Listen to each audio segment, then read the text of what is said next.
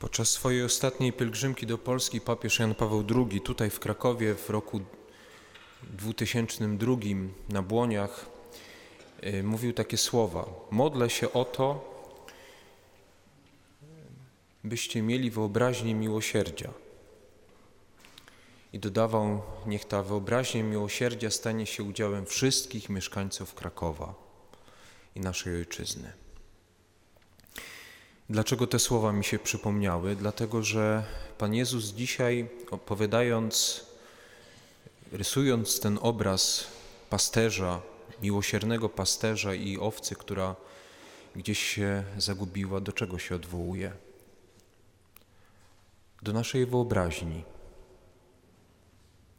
Odwołuje się do naszej wyobraźni. Ta Ewangelia pokazuje, że sam Jezus ma wyobraźnię miłosierdzia że oczyma swojej wyobraźni widzi tą owcę, widzi jej zagubienie, widzi jej przerażenie, widzi jej smutek, jej rozpacz.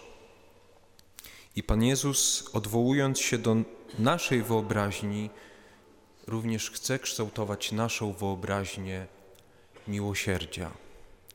Nie wiem, czy ktokolwiek z nas kiedyś pomyślał sobie o tym, że nasza wyobraźnia, może być istotnym elementem naszej wiary, naszego przeżywania wiary. My może często myślimy, że wyobraźnia jest czymś, co stoi obok naszej wiary. Może jest tak dlatego, że my tej wyobraźni często źle, tą wyobraźnię źle wykorzystujemy. Natomiast ta Ewangelia zdaje się mówić, że dla Boga nie ma nic, co składa się na nasze życie, co musi stać obok naszego przeżywania wiary. Że wszystkie sfery naszego życia mogą stać się istotnym elementem naszej wiary, także nasza wyobraźnia. I dalej papież Jan Paweł II mówi, że bez wyobraźni miłosierdzia nie jest możliwe w ogóle to, by samemu stawać się człowiekiem miłosierdzia. Zwróćmy uwagę, papież nie mówi, że potrzebna jest modlitwa do tego, że będę stawał się człowiekiem miłosierdzia wtedy, kiedy będę się dużo modlił. Papież mówi, bez wyobraźni miłosierdzia, bez poruszenia właśnie tej sfery naszego życia, jaką jest nasza wyobraźnia, nie jest możliwe, bym sam stawał się człowiekiem miłosierdzia. Zapytana o to, czym jest ta wyobraźnia miłosierdzia, siostra Małgorzata Chmielewska mówiła kiedyś tak.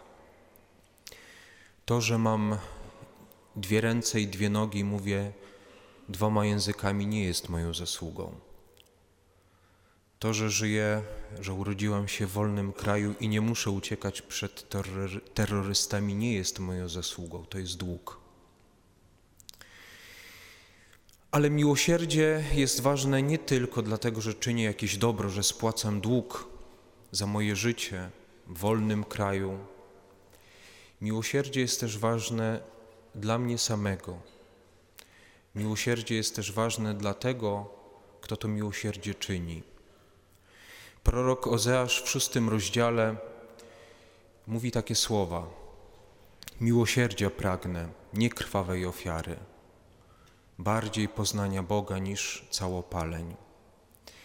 I teraz zwróćmy uwagę, prorok Izajasz zestawia dwie rzeczywistości obok siebie, miłosierdzie i kult.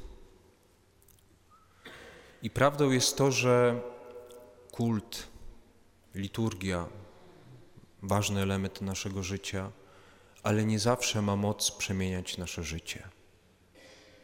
Daj Boże, aby przemieniało nasze życie, ale byliśmy może wczoraj na ratach, pewnie wszyscy byliśmy w niedzielę na Eucharystii. Czy nasze życie jakoś się radykalnie zmieniło? Kult, liturgia nie zawsze ma moc przemieniać nasze życie, ale jest jedna rzecz, która przemienia nas zawsze. To jest miłosierdzie. Dlatego, że miłosierdzie wprowadza mnie w przestrzeń poznania Boga samego, miłosierdzia pragnę, nie ofiary, poznania Boga. Jest jedna, jedyna rzecz, która ma moc przemieniać moje życie zawsze. A tą rzeczą jest miłosierdzie. kiedy to miłosierdzie czynię.